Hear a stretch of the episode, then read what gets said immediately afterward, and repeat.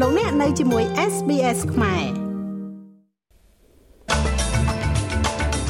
ហេរ៉ាញឹកសហព័ន្ធព្យាករអនុភាពថាវិការតែជាងការរំពឹងទុកនៅក្នុងការព្យាករសេដ្ឋកិច្ចពាក់កណ្ដាលឆ្នាំរបស់ខ្លួន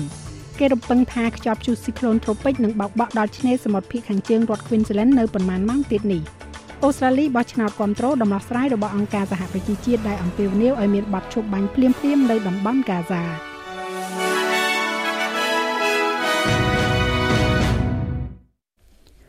រដ្ឋាភិបាលបានព្យាករអនុភាពថវិកាតិចជាងការរំពឹងទុកនៅក្នុងការព្យាករសេដ្ឋកិច្ចពាក់កណ្ដាលឆ្នាំរបស់ខ្លួន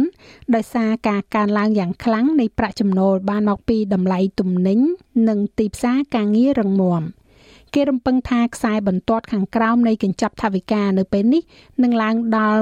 1100លានដុល្លារធ្លាក់ចុះពី13900លានដុល្លារដែលបានព្យាករកាលពីខែឧសភា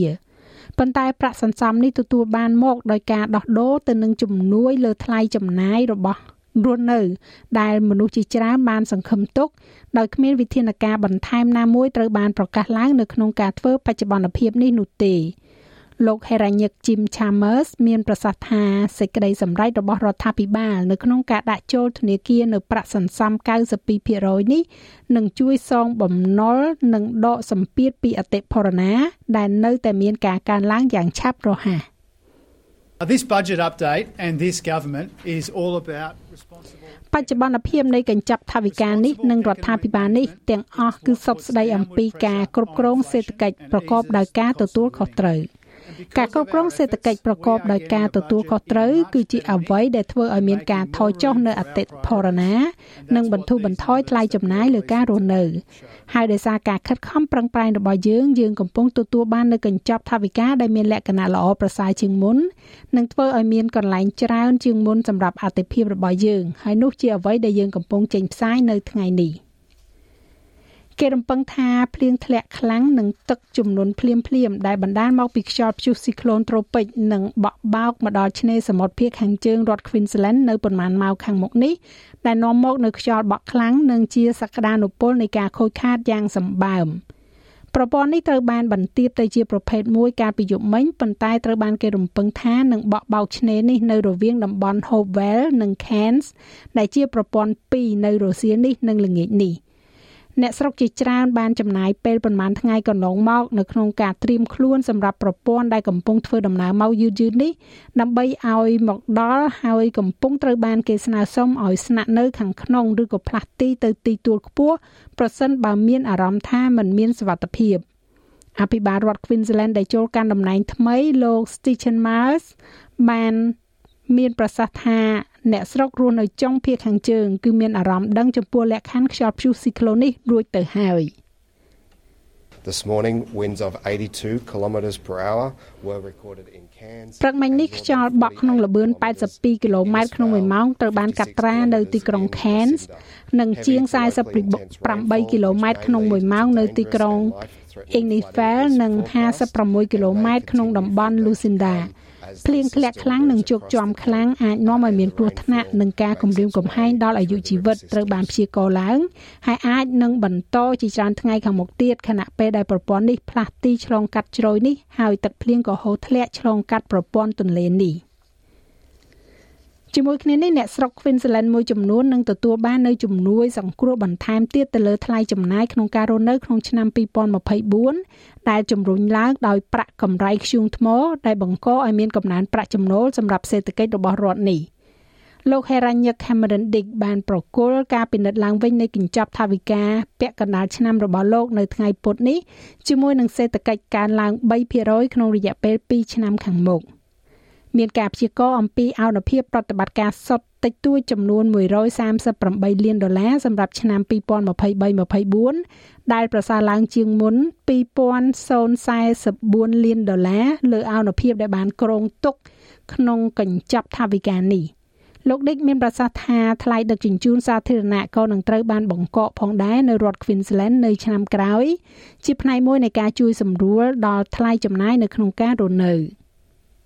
for a commuter that travels across two zones for work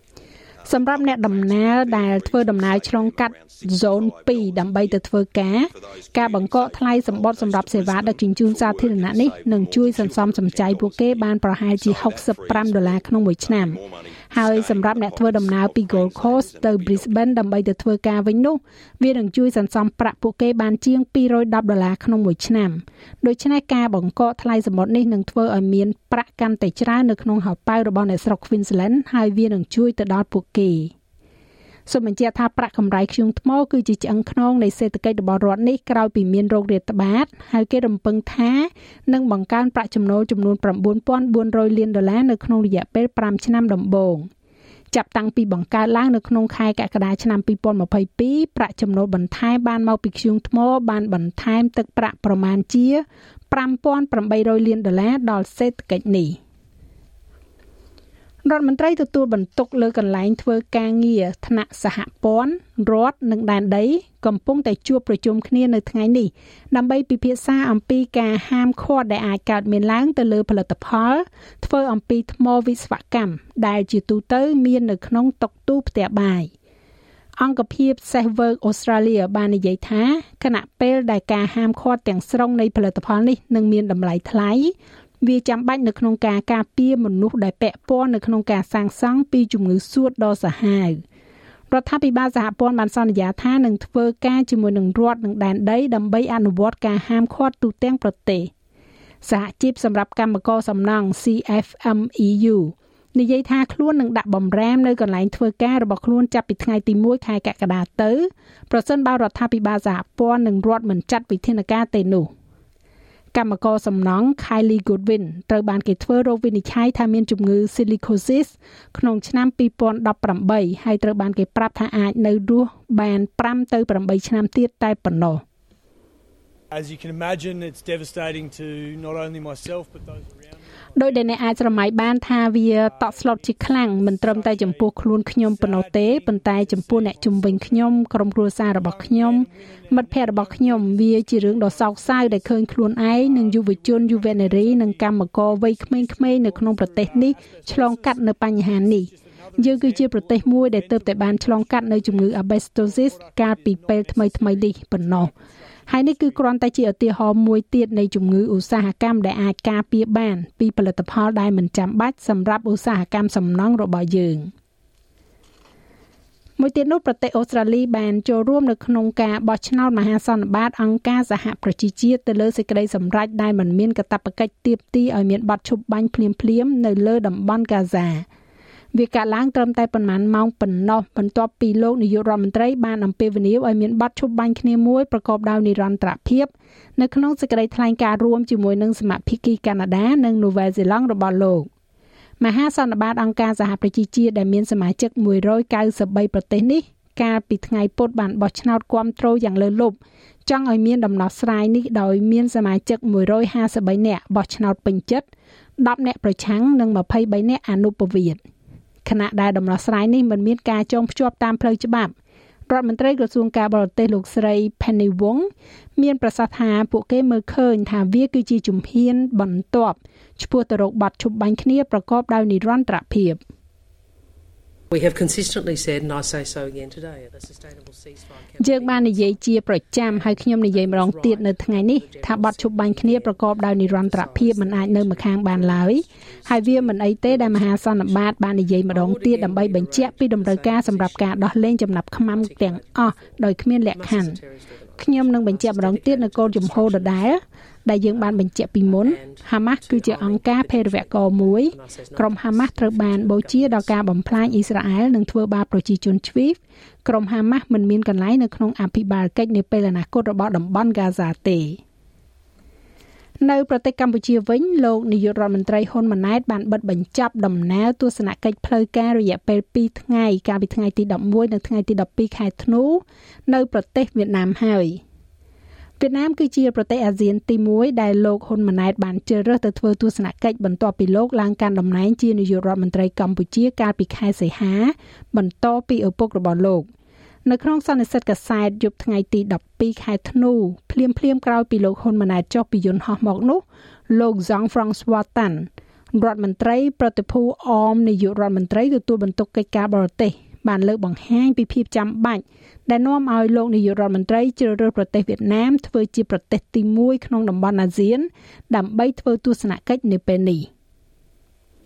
វៀតណាមដូចខ្ញុំបញ្ជាក់អំបញ្ញមិញអញ្ចឹងជាប្រទេសជិតខាងកម្ពុជា ជាប្រទេសរបងជាមួយរបស់កម្ពុជាវៀតណាមជាដៃគូសំខាន់ជាងគេបងអស់មួយរបស់កម្ពុជា នៅលើវិស័យពាណិជ្ជកម្ម ចាស់ឲ្យលោកមេងផល្លានឹងជួនសេចក្តីរាយការណ៍លម្អិតនៅវគ្គក្រោយឬក៏លោកអ្នកអាចចូលស្ដាប់នៅលើគេហទំព័រ sbs.com.au/ ខ្មែរ សង្គ្រាមស៊ីវិលនៅក្នុងកីឡាបាល់បោះ Netball នៅទីបំផុតត្រូវបានបញ្ចប់ទៅហើយជាមួយនឹងកិច្ចព្រមព្រៀងអ្នកលេងសមូហភាពរយៈពេល3ឆ្នាំថ្មីត្រូវបានព្រមព្រៀងឡើងជាមួយក្នុងពេលមួយថ្ងៃបន្ទាប់ពីនាយកប្រតិបត្តិរបស់ Netball Australia គឺលោកស្រី Kelly Ryan បានលាលែងចេញពីតំណែងកិច្ចព្រមព្រៀងដែលបានប្រកាសនៅថ្ងៃពុធនេះបញ្ចប់ចំនួនដ៏អាក្រក់និងអូសបន្លាយជាយូរមកហើយរវាង Netball Australia និងសហជីពកីឡាករ។ កីឡាករមិនបានទទួលប្រាក់ខែទេចាប់តាំងពីខែកញ្ញាមកប៉ុន្តែឥឡូវនេះមានសេរីភាពក្នុងការចុះកិច្ចសន្យានានាសម្រាប់រដូវកាល Super Netball ឆ្នាំ2024ពួកគេក៏នឹងទទួលបាននូវការកើនឡើងប្រាក់ឈ្នួល11%ភ្លាមភ្លាមផងដែរដែលបានបង់បកត្រឡប់ក្រោយវិញគិតតាំងពីថ្ងៃទី1ខែតុលា ប្រាក់ខែជាសក្តានុពលជាមធ្យមនឹងកើនឡើងដល់89,221ដុល្លារហើយប្រាក់ខែអបបរមានឹងកើនឡើងដល់46,600ដុល្លារក្នុងរយៈពេល3ឆ្នាំនៃ CPA Netball Australia ហើយនិងកីឡាករនឹងចូលទៅក្នុងការចែករំលែកចំណែកប្រាក់ចំណូលដ៏សំខាន់របស់ពួកគេដែលបានមកពីការ sponsor នានា។ ចំណែកឯអត្រាប្តូរប្រាក់វិញនៅថ្ងៃនេះ1ដុល្លារអូស្ត្រាលីមានតម្លៃប្រមាណជា65សេនកន្លះដុល្លារអាមេរិកត្រូវនឹង2700រៀលប្រាក់រៀលខ្មែរ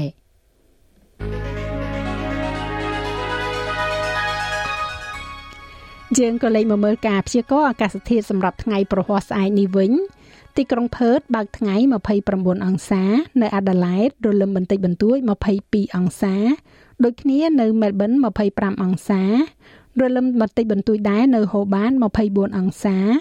នៅខេនបារ៉ាមានប្រពកសំទោសមានពពក តែក៏ស្រឡះមកវិញ30អង្សាស៊ីដនីអាចនឹងមានព្យុះ37អង្សា Brisbane ភាគច្រើនបើកថ្ងៃ33អង្សា ទីក្រុងខេនមានខ្យល់និងភ្លៀងធ្លាក់ខ្លាំង28អង្សា Darwin រលឹមអាចនឹងមានព្យុះ35អង្សា និងនៅទីក្រុងភ្នំពេញ មានពពកភាគច្រើន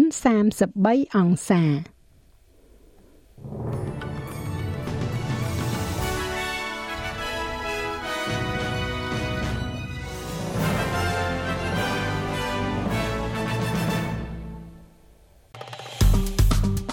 ចុច like share comment និង follow SPS ខ្មែរនៅលើ Facebook